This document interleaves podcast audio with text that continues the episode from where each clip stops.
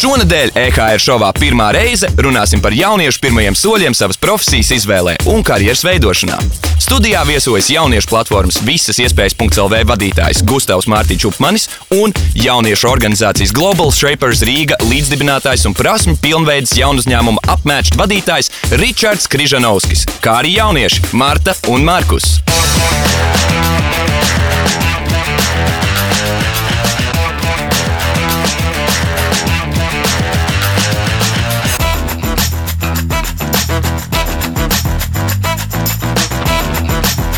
Es sveiks! Šis ir jauniešu šovs. Pirmā reize, kur mēs runājam par dažna dažādām jauniešiem aktuālām tēmām - seks, mīlestība, iepazīšanās un viss un vēl vairāk. Tad šodien mēs parunāsimies par darbu, par to, kā meklēt savu pirmo darbiņu, par to, kur meklēt prakses iespējas, par to, kā izmēģināt savu roku dažna dažādās profesijās, par to, kur un kā mācīties un vai vispār ir vērts mācīties. Un gal galā arī aprunāsimies par to, kādu atalgojumu tev sagaidīt savās pirmajās darba vietās. Nu ko, lecam iekšā, aiziet! Pšu!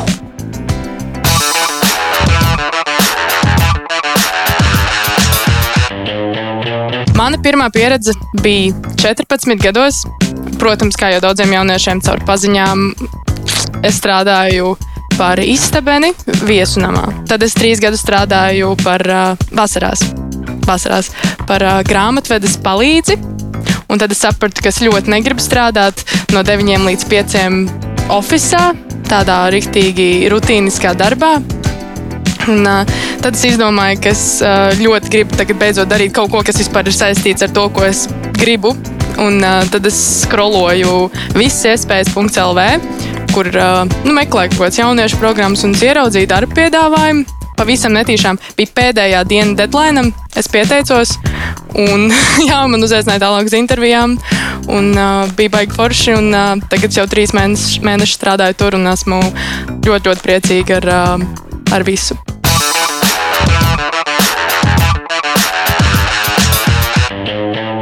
Šodien EHR pirmās reizes studijā pirmo reizi viesojas uh, mūsu foršie eksperti un jaunieši. Pirmais mūsu šodienas eksperts ir jauniešu platformas visas iespējas .CLV dibinātājs un vadītājs Gustavs Mārtiņš Upmanis. Tu tur ar fanfārām sagaidām. Sveicien. Yes! Un uh, otrais mūsu eksperts ir jauniešu organizācijas Global Shapers Rīga līdzdibinātājs un arī kurators, kā arī prasmju pilnveidas uzņēmuma apmēķis vadītājs Ričards Križanovskis. Yes, labais! Un uh, jaunieši Mārta un Markus. Šodien mēs parunāsimies par darbu, par uh, izglītību, par to, kā labāk meklēt, par to, ko mācīties, kāpēc mācīties vai vispār mācīties. Un, uh, nezinu, varbūt arī parunāsimies par to, kā rīkoties tad, ja tomēr es saņēmu atteikumu daru savam sapņu darbiņam. Sāksim ar jautājumu, Gustav, Ričard, jums. Ja šobrīd pie jums pienāktu jaunietis ar jautājumu, ko man darīt? Nu, man, man sajūta, ka mēs pieņemam to, to, to skumjo scenāriju, kur jaunietim visdrīzāk nav tik skaidrs, kas viņš grib būt dzīvē. Jo citādi, ja tu zini, ka tu gribi būt programmētājs, tad studēt programmēšanu, ja tu zini, ka tu nezini kultūrā, tu, nu, tu nojaut vietas, kur iet, bet ja tev nav īsti tāda bilde, nu, es teiktu, ka labākais variants ir vienkārši eksperimentēt. Riktīgi iet virsū dažādām dzīves lietām, skatīties, pamēģināt, nezinu, piestrādāt kā brīvprātīgiem, piestrādāt praksē, uh, uzorganizēt pašam kaut kādu savu koncertu un, un vienkārši močīt maksimāli daudz dažādos veidos, lai saprastu nevienu to jomu, kas tev patīk, bet īstenībā arī, kas ļoti svarīgi, tos procesus, kuriem tev patīk iet cauri. Vai tev patīk, ka tev ir kāds komandē, vai tev patīk pašam izdomāt un tādā garā. Man liekas, ir svarīgi sevi izaicināt, darīt tās lietas, un varbūt tiešām neskatīties tik ļoti uz tiem setupiem. Varbūt tas atalgojums līdz galam nav tas, varbūt vēl kaut kas nav līdz galam. Bet, ja tas ir priekš tevis kaut kas jauns, un ja tas potenciāli tev liktos saskana ar tavām interesēm, esošajām, vai tev kādreiz bija tāds interesi, noteikti, noteikti jāmēģina vismaz uz īsu laiku, vismaz uz pāris mēnešiem, bet dabūt sev tajā vidē. Jo man liekas, tā viena no lielākajām problēmām mēs ļoti bieži pat nesaprotam, kā tas darbs īsti izskatās. Ne? Mēs, visi, mēs visi dzirdam, nu jā, tur darbs IT, tas ir darbs pie datora, vai darbs tur, tur tas ir iedomājies, ka nezinu, tur vienā stereotipiskā veidā. Bet tā patiesībā tikai darot un izzinot, tu gan sevi bišķi vairāk sapratīsi, gan arī iespējams atvērs kaut kādas iespējas, kuras līdz šim likās priekš tevis neatbilstošas.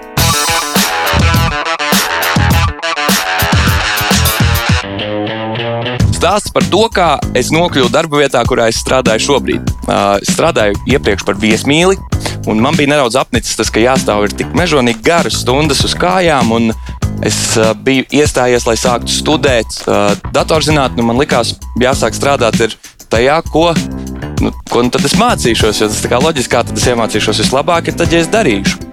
Un, uh, pētu, kādi ir varianti, kurus varu pilnīgi bez nekādas pieredzes, 19-gadīgs, atrast sev darbiņu un atrodu. Hei, uzņēmums Latvijā organizē apmācības un ar visu programmu, un tur viss ir izstāstīts ļoti precīzi, ļoti detalizēti. Man liekas, hmm, bez pieredzes, un man vēl apmācīs, un viss forši, nu, pieteikšos pētu, kādas ir atvērtās pozīcijas. Un uh, IT nozarē ir tā, ka viss sastāv no saīsinājumiem. Tur ir daudz dažādu saīsinājumu. Es atrodu vienu, kurš man interesē, kas ir uh, PMO, ja principā tas ir uh, projektu vadītāja asistents. Domāju, nu labi, pagulēšu ar šo domu, pamodīšos no rīta, un tad jau nu, noteikti būs skaidrs, vai es gribu to darīt, vai es gribu pieteikties vai nē. Uh, pamostos no rīta, hmm, jā, gribu pieteikties, vēru vaļā vēlreiz pieteikšanās mājaslapu, spiežu, piesakos, aizpildu visu informāciju par sevi, savu CV, kurā ir ierakstīts iekšā to, ka strādāju par producentu asistentu, kur man uh, nesagāja tik labi, un strādāju par viesmīlu, kur man sagāja nedaudz labāk. Bet uh, pēc pāris nedēļām saņemu zvanu Super, nāc uz interviju. Atnāk uz interviju, izrunājamies, un es jau nezinu īsti, kādus jautājumus uzdot tādā oficiālā darba intervijā. Izrunājam to interviju, viss kārtībā, man uzaicina uz apmācībām, bet apmācības ir klātienē 8 stundas dienā un 3 nedēļas no vietas, kas nozīmē, ka man jāiet projām no darbiņa, kurā es esmu tajā brīdī. Uh, saprotu, nu labi, jāiet, kas jādara, jādara, jāsāk darīt to, ko esmu izmācījies. Eju projām no viesmīļa darbiņa, atnāku uz apmācībām, un pirmo 30 minūšu ietvaros man ir ļoti skaidrs, to, ka šis noteikti nav par uh, nav par projektu vadīšanu vai par kaut kādu asistēšanu. Es mācos programmēt, un es mācos programmēt grāmatvedības sistēmas ļoti specifiskiem kaut kādiem gadījumiem un lieliem uzņēmumiem. Uh, tajā brīdī man ir pāršāls tāda atklāsme, ka oh, oh, es esmu aizgājis projām no sava iepriekšējā darba, un man nav īsti nekā cita vietā, un šis nav īsti tas, ko es pieteicos. Bet Nu, labi, ja jau esmu uzņemts, tad uh, gan jau ka būs gan labi nolēma palikt tās trīs nedēļas izmācīties. Un tā nu es tur esmu arī tagad, uh, vairākus gadus vēlāk. Nu, kā, vis kaut kā mēdz iegrozīties tās darba izvēles, un varbūt dažreiz nevajag uh, baidīties un vienkārši pamēģināt kaut ko jaunu. Nu, es tagad programmēju grāmatvedības sistēmas. Yes!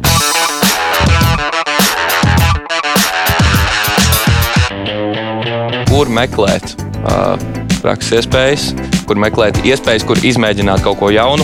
Uh, varbūt sāksim ar, ar, ar, ar jūsu perspektīvu, kā jūs esat meklējuši iespējas, kur, kur, kur pamēģināt savu roku. Šis pat nav, šis pat nav pārspīlējums, un kā reāli visas iespējas. Da, tas ir vienkārši no pieredzes. Kā, ja kā es strādāju šobrīd, nu, Gustavs ir bijis šī mans priekšnieks. Kā, nu, tā ir. Un, bet tā arī bija. Es arī iepriekš stāstīju, vienkārši meklēju iespējas, meklēju meklēju apmaiņas, nu, apmācības, visu nu, pašizaugsmē un, un, un, un, un ieraudzīju uh, vakanču sadaļu. Tur bija uh, uh, rīktīgi forši iespēja un es pieteicos un viss, viss sagāja. Un, uh, tā, tā, tā, tā, tā platforma ir ļoti, ļoti, ļoti. Tad mums noderīga. vajag saprast vairāk par to platformu. Tātad, tātad visas iespējas, visas iespējas .lv ir platforma, kur stipendijas, apmaiņas programmas, brīvprātīgais darbs, prakses darbs. Tā kā nu, ļoti plašs, un tas ir mērķēts tieši, lai jauniešiem būtu visas iespējas. Nu, tā kā nosaukums arī mēģina ļoti trāpīgi, ļoti trāpīgi. Un, uh, jā, jā, mēs ilgi domājām šo nosaukumu, lai mēs nonācām pie kā lieliski. Um, bet jā, nu, ta, tas, ko es gribu pateikt, kas varbūt nav un kas ir ļoti svarīgi meklējot iespējas, nu, saprast, kas tev ir apkārt no cilvēkiem un īstenībā ļoti daudz runāt un jautāt. Jo arī kaut kādas dīvainākās, bet pirmās reizes, kas man ir bijušas, bija es 16 gados braucu uz Vāciju kopt kapus, kas arī man ļoti daudz palīdzēja angļu un krievu valodā. Un, un tā bija lieliska programma. Un, nu, viņa nekur nebija izziņota. Tas bija vienkārši caur pazīšanos, ka kāds kaut ko uzzināja. Nu, un šitādas lietas, un jo sevišķi par darbu, viņas pastāv. Tā kā ļoti daudz muldēt par to, ko tev potenciāli varētu gribēties. Es teiktu, ka tas ir arī, arī fenomenāli labs ceļš, kā kaut kur nonākt. Man liekas, tie ceļi, kā tik lietājas par ļoti dažādi. Ir karjeras dienas, ir, ir visādi veidi pašu uzņēmumu organizētie pasākumi, kur viņi, man liekas, šobrīd kliedz un aicina visus visus pievienoties viņiem, jau īpaši kaut kādā IT sektorā, arī bez zināšanām. Tā. Tā kā, man liekas, jā, tur īsti problēma nevajadzētu būt. Man liekas, lielāka problēma par cilvēkiem ir norientēties, vienkārši saprast, ok, no tā visa piedāvājuma.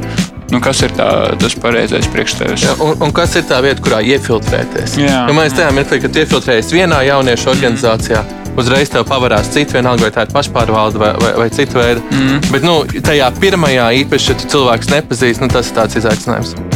Kāds izskatās nākotnes darba tirgus, kas šobrīd ir aktualitātes, kurām pievērst uzmanību? Tas, ko mēs zinām par nākotnes darba tirgu, ir tas, ka mēs zinām ļoti maz. Man liekas, gan jauniešiem, gan mums visiem ir ļoti jābūt gataviem, ka tās prasmes, kuras mums būs nepieciešamas, strauji mainīsies. Tas pats ekonomikas fórums paredz, ka vismaz pusi no visām, visiem cilvēkiem, kas šobrīd strādā, viņiem būs nepieciešams pārkvalificēties jau tuvākajos piecu gadu laikā. Nu, proti, tas veids, kā mums jāskatās mūsu karjerām, ka mums nebūs viena tāda karjera. Es tagad sāku strādāt nezinu, tur, par projektu vadītāju, un tad es visu dzīvi nostrādāšu par projektu vadītāju vai tur vēl kādu līdzīgu piemēru. Drīzāk mums ir jāorientējas to, ka mums visu laiku jā, jāmeklē tāds iespējas, kur tu attīsties, kur tu mācies mācīties, kur tu nepārtraukti pilnveido kaut kādu savu skillsetu. Nu jā, aiz, aizjūt ļoti praktiski. Man, man ir sajūta, ka ir divas lietas, kur ir ļoti vērts investēties. Nu, viens ir visas digitālās prasmes, nu, sākot ar Microsoft Office un Excel. Es esmu bijis tik bēdīgs par cilvēkiem, kas atnāk un kā, nezina pamatus. Man liekas, ka visiem būtu jāzina Excel funkcijas, un tā nav. Uh, bet viens ir digitālās prasmes, jo nu, pasaule kļūst digitālāka vienalga vai sociālajos tīklos, vai datu apstrādē, vai jebkur. Un otrs, ko ir krietni grūtāk tā konkrēti noformulēt, bet nu, ir komunikācijas lietas. Tāpēc, ka ja iepriekš varbūt tev bija vairāk tādi nišas darbi, kur tu vari darboties, arvien biežāk kopā ar tehnoloģijām tev kā cilvēkam ir jāveido kaut kas, kā tu varēsi citi, ar citiem sadarboties. Tas nozīmē, ja tu spēj izskaidrot un dabūt kaut ko unikālu ārā, tad tas ir nu, krietni vērtīgāk. Sanāk, ka tev ir personīgās prasmes, kas ir uh, netaustāmas universālas prasmes, kuras tev ir uh, Visur, visur pielietojams, vienalga, vai tu strādā par programmētāju, vai tu būvē tiltus, vai tu nezinu, veido reklāmas ikdienā. Mm. Uh, tās ir prasmes, nezinu, spēt sarunāties ar cilvēkiem. Uh, tā tālāk, tā joprojām, ir tehniskās, vai ne? Tās ir tās, kuras mēs apgūstam. Un tāpēc par uh, uzdošu ļoti nepieklājīgu jautājumu, bet tādu, kurš ir jāuzdod, man liekas, šobrīd. Ko mācīties un ko nemācīties? Šodien, konkrēti šodien pirmkārt mēģināt saprast, vai tajās jomās, kur vislielākais pieprasījums šobrīd pēc darbiniekiem tev ir interesanti. Tas pats sākt pārbaudīt savas intereses un taustīties tajā pašā IT jomā un nedomāt, ka IT joma ir vienīgi viena programmēšana. Tur ir ļoti plašs spektrs. Bet, ja viss tas priekš tevis nedara, nu, tad tiešām es domāju, drīzāk skatīties pēc, kā, pēc kaut kā tāda sava aicinājuma, bet neaizmirstot kā, ja tu izmācīsies, nezinu, sorry, tiem, kas mācās pasākumu vadībā, nu, tad bakalaura, tad visticamāk, tas baigi nenoderēs kā diplomatiskā izglītība. Nu, skatīties ko tādu praktisku, par ko ir gatavi maksāt darba devēji, kur darba uh, vakanču uh, portālos, tās visas iespējas un visur citur ir tās vakances, ko tu vari, kur tu vari strādāt pēc tam. Nav, nav tā, ka tik ļoti kaut kādi konkrēti studiju virzieni būtu lieliski vai drausmīgi. Bet, bet man šķiet, ka daudziem ir idealizēts skats uz to, ka es tieši studēju komunikāciju, un es būšu kā, nezinu, mārketinga vadītājs vai kas. Un cilvēks joprojām nezina, kas tieši tas ir, kāpēc tas ir, kas viņam patiks, kas nepatiks. Un tad foršāk, man liekas, ir skatīties nevis uz to programmas nosaukumu, to vienu lielo vārdu, bet, bet iet tie, tiešām dziļumā, kas ir tās lietas, kuras tu apgūsi, un skatīties reku no 15 priekšmetiem un patiks 10. Nu jā, man liekas, ja mēs izņemam to kategoriju ar ļoti konkrētiem studiju virzieniem, nu, kurus saprotu, ka, tu mācies ārstus, tu būsi ārsts. Jā, jā vai tur mēs tur inženieri, tu būsi inženieris, tilts būvēs. Ja mēs izņemam to visu, par, par šiem cilvēkiem problēma nav. Tie cilvēki agri saprot, ka viņi grib būt ārsti, un tad viņi tur iet, izmācās, un tad varbūt vēlāk kaut ko maina savā karjerā. Bet ar visu pārējo tādu auditoriju, kurā es arī esmu bijis vienmēr, kas tā kā, nu, es negribu būt ne ārsts, ne inženieris. Tad ģenerālisti. Tad ģenerālists jau, kas man liekas, viņš kaut ko varētu darīt. Nu, tad, man liekas, tiem cilvēkiem ir svarīgi skatīties uz to izglītību, ka tiešām, nu, varbūt, ok, ļoti bieži tur ir formalitātes, ka tiešām daudz darbē prasa to papīru, un varbūt daži iet vienkārši, lai dabūtu kaut kādu papīru. Es personīgi skaties uz to, nu, tā ir iespēja tiešām attīstīt visu kaut kādas dažādas lietas. Es gan iemācījos mācīties efektīvāk, fokusēties, stresa pārvaldību ļoti daudz studiju laikā, vai ne, teiksim, kā menedžēt savu stresu un tur ā, darboties ar citiem, bla, bla, bla. Un tad sākas mana karjera. Un tad tikai sākās tā īstā mācīšanās, ja tu apgūsi tās lietas, par kurām kāds grib vispār maksāt. Manā gadījumā tad es sāku mācīt, nu, jau konkrēti strādājot jau ar pirmiem darba uzdevumiem, ar pirmiem klientiem, kas man, manā gadījumā bija citu uzņēmumi. Tu tad sāc iemācīties, ok, šīs ir tās lietas, kas interesē darba devējs. Ja tu iemācies to, tad par to arī samaksās. Nu, tā tas arī viss būvējās kaut kā. Līdz ar to man liekas, nevajag arī pārspīlēt tā augstākās izglītības noteicoša loma tavā dzīvē. Man liekas, tas ir tāds pats sākums, kas iedod tev tādu atspērienu bāzi tam visam, network, vēl kaut ko. Bet tā lielā mācīšanās un attīstība notiek visu mūža garumā.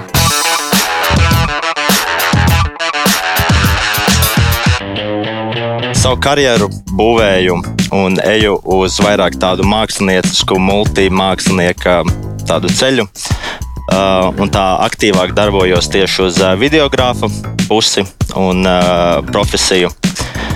Jau pirms kādiem trīs gadiem biju veidojis skolē dažādas video, kā arī savam priekam veidoju visādas uh, mākslinieciskos uh, video.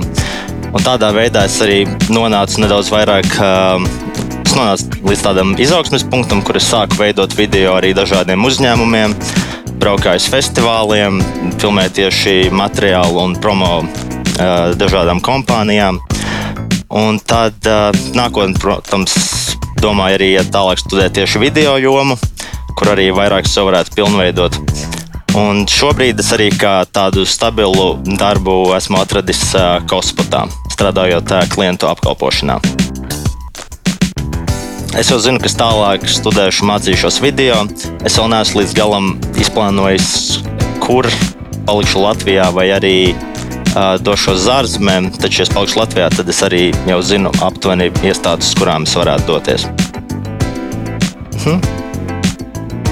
Es domāju, ka svarīgākais nav braukt mācīties uz ārzemēm tikai tāpēc, ka tās ir ārzemes, bet, manuprāt, vissvarīgākais ir atrast mācību vietu un iestādi, kas var dot tieši to atdevi un tieši to informāciju, kuru es pats meklēju.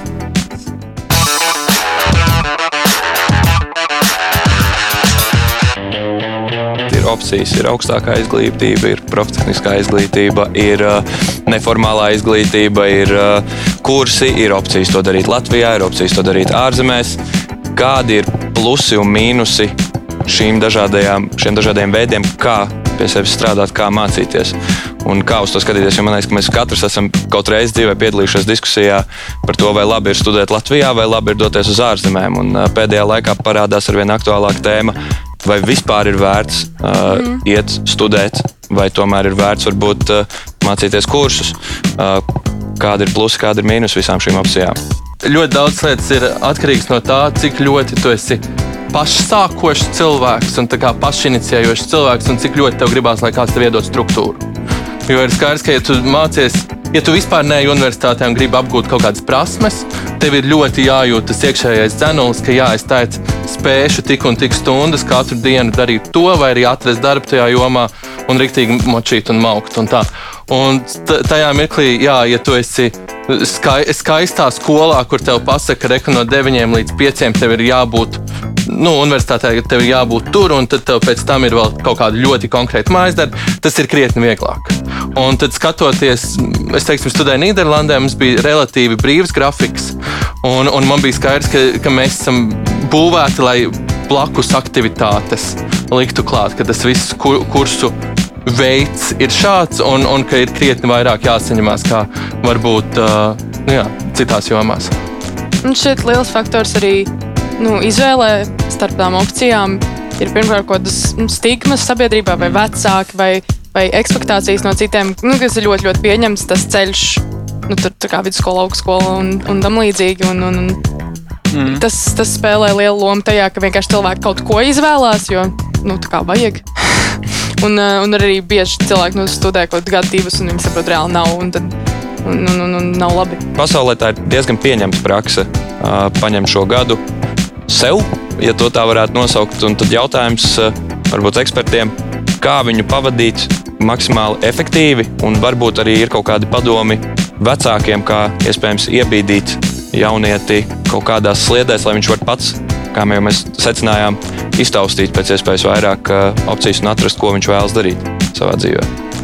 Daļai atkārtošos, bet man, man liekas, tā eksperimentēšana ir, ir svarīga un īpaši ar plānu. Tā kā, ja es būtu vecāks, vai nezinu, man brāļdēls pateikt, ka viņš ņems gapjā, man būtu tāds ok, mierīgi, bet kāds ir plāns? Nu, kā, ko, tu, ko tu darīsi, vai ko tu izmēģināsi? Kā, kāds ir tavs skats? Uh, man, man viens draugs gāja uz uh, kaut kādu franču filoloģiju, tikai tāpēc, ka viņš gribēja iemācīties franču valodu, un pēc pusgada viņš aizgāja prom. Bet tas bija daļa no viņa plāna. Tā kā viņa vecāki nebija baigi saprotoši. Bet, bet kopumā jā, nu, kamēr tev ir plāns un tu zini, ko tu no konkrētās lietas gribi paņemt, manuprāt, tad tu vari eksperimentēt gadu, divus, trīs, un tas ir pilnīgi normāli. Jā, nu es arī ieteiktu, ja tas ir gapjers, man liekas, totāli normāla praksa. Un ļoti forši, ja ir iespēja braukt ārzemēs, varbūt kaut kādā pastrādāt vienkāršus darbus. Parasti, cik esmu dzirdējis, man nebija tāds pieredze no draugiem, cik esmu dzirdējis, ka tas vienmēr ir ļoti tā veselīgi, un tu varbūt daudz saproti, kas tas īsti ir manuālais darbs vai ne, un kāpēc īsti ir jāmācās. Tad viņiem ir kaut kāds stimuls, kaut ko uh, lielāks par dzīvi, teiksim, um, meklēt tas un mācīties un meklēt kādas labākas iespējas. Citiem, es domāju, ja tas strādāšana baigā nav opcija, tad uh, noteikti iesaistīties neformālajās izglītības. Nu, es saku, tur paplašināt savu redzesloku. Tas ir tas droši vien gapjēra uzdevums. Darot dažādas lietas, tu vari saprast vairāk par sevi, izzināt sevi. Un to izzināšanu tu droši vien arī gribi kā sajūtu dabūt šī procesa rezultātā. Ir arī profesijas, kā piemēram programmētāji, kur ļoti daudzi cilvēki pelna ļoti labas algas un ir ļoti apmierināti ar savu darbu, bet viņiem nav nekādas augstākās izglītības. Tas viss ir apgūts paš, pašmācības ceļā vai arī caur neformālo izglītību, tā tālāk. Tā joprojām. un, uh, Markus, tu savā stāstā stāstīji par uh, to, ka tev interesē tieši radošā nozara saistībā ar video apstrādi. Nu, es vienkārši redzu tādu kvalitatīvu mācīšanos tieši par video, kā labu veidu, kā ieraudzīt vairāk iespējas, kur tieši video nozare sadalās. Un kādas tieši tas pats, pieņemsim, ir video nozare, kā nu, vienkārši operatori. Tad tur arī aiziet nu, visu CGI un tas viss. Un ir diezgan grūti arī, nu, vēl šobrīd internetā var atrast informāciju par noteiktiem šiem subžanriem, bet ir ļoti grūti arī atrast nu, kādu cilvēku internetā, kas to nu, kvalitatīvi pasniegs un parādīs tādas, nu, varbūt plašākas vai dažādākas veidus, kā nokļūt līdz rezultātam. Man, man tieši ir tā sajūta, jo sevišķi par video, ka, ja tu gribi iet kaut kādā ļoti specifiskā, konkrētā nišā, tad ir grūti atrast vienkārši to, tos cilvēkus apkārt. Bet, jā, ja tu vienkārši gribi taisīt video, saprast, kas tur notiek, tad daudz, daudz projektu iedos ļoti daudz pieredzi un kaut kur tu nonāksi. Un, ja īpaši tev ir kaut kāds storytellings vai kopumā tu gribi veidot lietas, tad, tad tas ir viens. Bet man liekas, gandrīz visās profesijās, ja tu tiešām gribi atrast nišu, saprast, kā tieši taisīt CGI video, nu, tad tev ir jāatrod jā, jau, jau ļoti specifiski universitāte vai kurs. Jā. Es arī papildināšu, ka tīri nu, par kādām specifiskākām lietām uh, bieži vispār nu, šīs lietas un uh, nozares tiek atklātas tieši darot. Jo man ir bijis arī tā, ka es veidoju video, un es nevaru nonākt līdz tam rezultātam.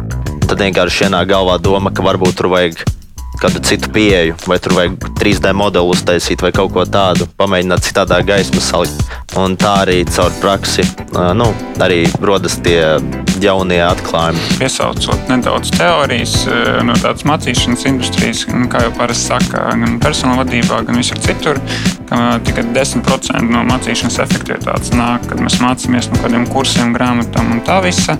20% nāk, kad mēs mācāmies no citiem cilvēkiem, iesaistamies diskusijās mentor, ar mentoriem, strādājam kočiem, vai kāds mums pastāsta, kā, kā viņš dara praktiski. Un 70% nāk no tā, ka mēs paši darām kaut ko un paši iesaistamies ar reāliem uzdevumiem.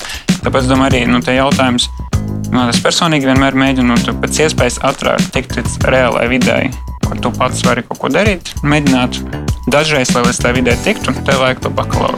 Citur tev nepielaidīs. Saku, tiltu tev neviens neļaus uzbūvēt, kamēr tu nebūsi droši vien maģistrs. Tā pašā laikā tādās citās ļoti virknē, ļoti daudz citu industriju.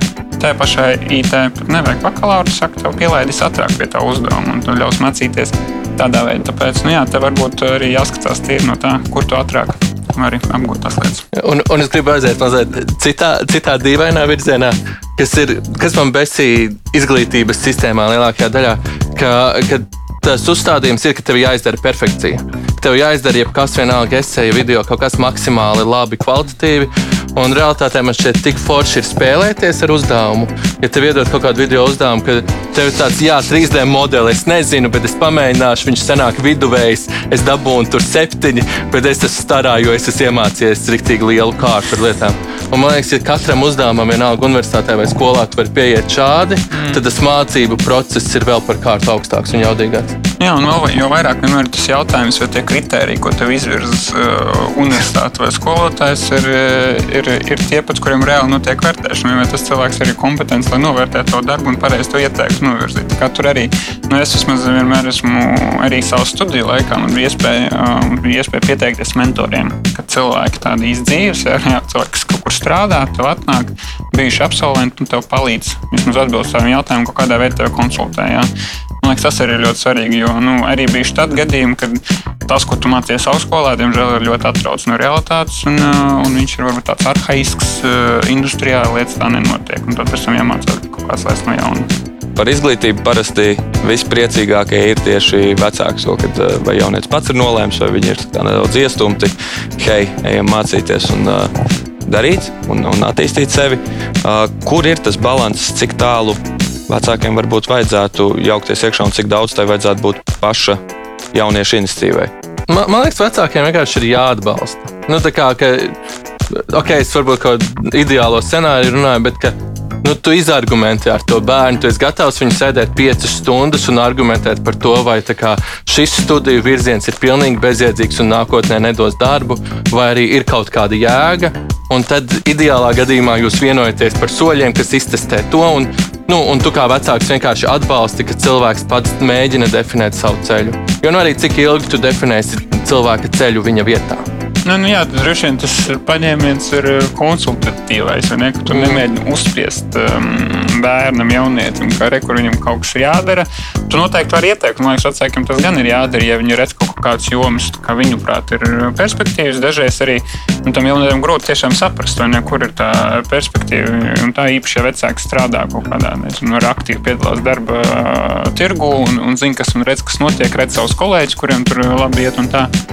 Man liekas, vecākiem ir jāiesaka, ir jāsaka, ka viņiem šķiet tur, tur un tur. Viņi, viņi ir dzirdējuši to, viņi aprunājušies ar kolēģiem, viņi tur bērni mācījušies tur, tur un tur. Nu, būt aktīvam. Arī man liekas, tā pilnīgi tāda ignorance varbūt arī citiem nedara. Un, un forši, ka tev ko iesaka, bet nu, jā, tur vienmēr tā robeža starp ieteikt un, un pateikt, ka es tev nodošu naudu, kamēr neaizies tur, tur studēt vēl kaut kā. Noslēgumā. Tagad pāris praktiski padomi, cenšamies atbildēt īsi, konkrēti. Uh, divas tēmas, par kurām, nu, lai mums būtu kaut kas pie kā pieķerties pēc, pēc visas šīs sarunas, tāds ļoti konkrēts. Pirmā darba intervija. Uh, mēs ejam, mēs esam nolēmuši kaut ko, kur mēs sevi redzam, kā uzvesties, kādam būt, ko teikt, ko neteikt. Praktiski padomi, ejot un mēģinot dabūt darbiņu, kuru tu esi nolēmis, ka tu vēlies tas, kas, tas, kas man bija tāda trauksme, visu laiku kā, kaut kur prātā aizmugurē, bija tā, man, tā kā, vai, es esmu, vai es esmu tas, ko viņi grib, vai vispār, nu, ko es daru. Nu, nu, tā, tā trauksme. Un, un tas, kas, manuprāt, man būtu ļoti noderējis, tie pirmā darba intervijā, reāli vairāk padomāt par sevi. Nu, tādā ziņā, es eju šeit, es gribu darīt, jo man patīk tas, izskatās forši, nevis tā kā uztraukties par uh, vairāk par to, to darba devēju. Pirmā darba intervija ir jāslīcina. Tā kā tu ej, tu izmēģini visu, tu esi saģērbies nepieklājīgi, tu runā rupjības, un tu pēc tam nedabūni darbu. Bet tas nav darbs, ko tu gribi, jo zini, ka tā ir pirmā intervija.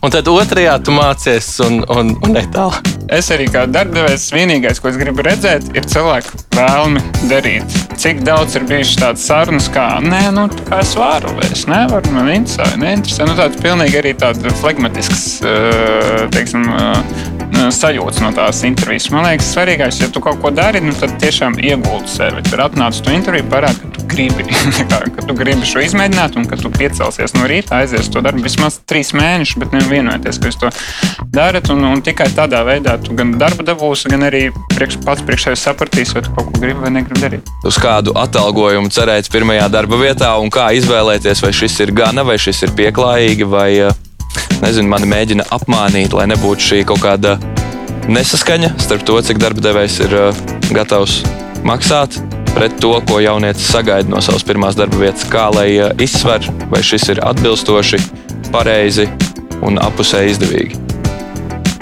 Man liekas, ka pirmkārt ir jāsaprot tas, ka jo darbs, ko cilvēki vairāk negrib darīt, jo vairāk maksās. Principā, jo pretīgāks darbs, jo vairāk tev maksās. Uh, tā kā man, man, liekas, ka Jā, projektu vadītāji varētu saņemt mazāk nekā cilvēki, kas tīri tolēts kaut, kā, kaut kādās konkrētās situācijās. Vismaz nu, jaunā, jaunākie projektu vadītāji. Bet atbildot ļoti konkrēti uz tavu jautājumu, man šķiet, ka 3 līdz 5 eiro stundā uz rokas ir tas, kas kā, ir labi. Un tā. Nu, man liekas, arī šobrīd tas jautājums ir arī daudz vieglāks kādā ziņā nekā pirms 3-4 gadiem, kad mēs vēl redzējām darbu tirgu, kur eh, neviens neteica, kādi ir tie atalgojumi, kur tu pats tur mēģini izzīmēt. Nu, viss tās pēc laba sludinājuma, varbūt viņi ir gatavi maksāt. Jā. Šobrīd, eh, pirmkārt, pēc likuma tev ir jāsaka, nu, kāds ir tas atalgojums. Tev ļoti viegli salīdzināt. Man liekas, nu, jā, tie tie paši cipari, ko Gustavs minēja. Man liekas, tas parasti ir tas sākums, eh, no kā sākt, kur skatīties skatīties, un tas vienmēr ir nu, tiešām tur tuvu tur minimālajiem atalgojumiem, bet nu, es domāju, tur vienmēr, ja tu sev pierodi, ir ātras iespējas to kāpināt un pēc tam jau pateikt, ka, hei, man ir gads, divi pieredzi, tad es varu tur. Teiksim, domāt par to nākamo soli un tā tālāk. Mm -hmm. nu, no jauniešu puses varbūt es varu piebilst, ka Uh, pirmkārt, nu, vai apmierina, ir, nu, vai ap, apmierina manas vajadzības, fiziski varbūt bija šī vairāk nu, tā, un ot, otrais ir uh, tādā ziņā, vai, vai nav par maz, ja, ja es to darbu gribētu darīt. Uh, Arī daudz, vai vispār nezinu, nezinu, bez, bez uh, samaksas, vai par ļoti mazu, nu, tad, tad, tad ir labi. Kā, vajag iet uz to virzienu, varbūt uh, kaut ko nu, skatīties, ka nevajag nezinu, iet prom. Nu, tā kā, uh, tās, tās būtu divas lietas, uz ko skatīties. Jo, Jā, kā minēja, nu, jauniešiem nav arī, ne, kustos to teikt, nu, jauniešiem nav vajag tikai ar ko spīdēt, ar, ar, ar 20 gadu pieredzi tur un tur, un, un, un, un ir, nu, jābūt lokaniem. Es varu nedaudz piebilst arī, nu, to var arī viegli saprast, cik ļoti tas darbs patiks ilgtermiņā, ir ja no sākuma to darbu dara par brīvu. Un tad, nu, tas ir īsti arī tāds mans ceļš, kur es piegāju, ka arī ik pa laikam uh, es arī piedāvāju dažādām kompānijām, dažādām uzņēmumiem, festivāliem, kas viņiem ir nu, pafilmējuši par brīvu. Viņiem patiks, ja viņiem patiks, tad viņi man nu, uz citām reizēm atbildēs. Un tad uh, nu, es arī no paša sākuma nu, par brīvu strādāju. Diezgan daudz vienkārši veidojot tieši šiem uzņēmumiem un vienībām dažādus šos pakalpojumus. Un, nu, te ir divi iegūmi arī. Nu, es sapratu, ka man ļoti patīk to darīt. Un tad, kad pieliek klāt naudu, tad tik, tikai to ir daudz foršāk vēl darīt. Patīk vēl vairāk. Vēl jā. patīk vēl vairāk. Un tad um, tas otrs ļoti lielais pluss ir tas, ka ir jau izveidojies portfolio, kur arī jau nākotnē, tagad, um, nu, tagad jau tagadnē, es varu sūtīt nu, darba devējiem un kā, rādīt, ka es jau esmu sasniedzis tik daudz, un es esmu gribošs, un es varu. Un tad um, nu, ir lielāka iespēja, ka viņi arī kā, nopietnāk uz to pastīsies. Jo nu, arī pirmajās reizēs, kad uh, es dabūju tādus darbus par samaksu, es pat biju nu, es, tas retais gadījums, kad nu, es biju neizpratnē. Jo, um, jo par video ir gatavi cilvēki maksāt tik astronomiskas summas. Nu, tā arī tā kā digitālā nozara, bet uh, jā, nu, cilvēki ir ļoti gatavi maksāt. Nu, forši. Es domāju, te, te, arī liekam punktu, te, arī, te arī liekam punktu uz kaut kāds gaišāks nots mūsu sarunai. Uh, paldies, Ričard, paldies, Gustav, paldies, Mārta, paldies, Markus. Parunājāmies par darbiem, parunājāmies par iespējām, parunājāmies par pieredzēm un uh, cerams, ka tas kādam palīdzēs.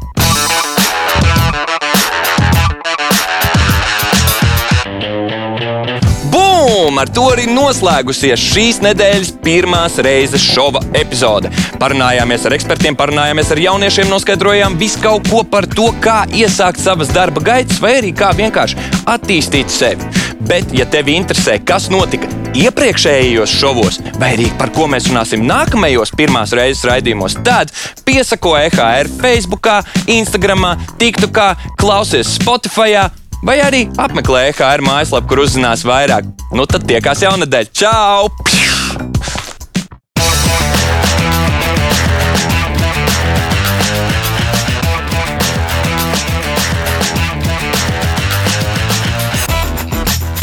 Šonadēļ EHR šovā pirmā reize runāsim par jauniešu pirmajiem soļiem savas profesijas izvēlē un karjeras veidošanā.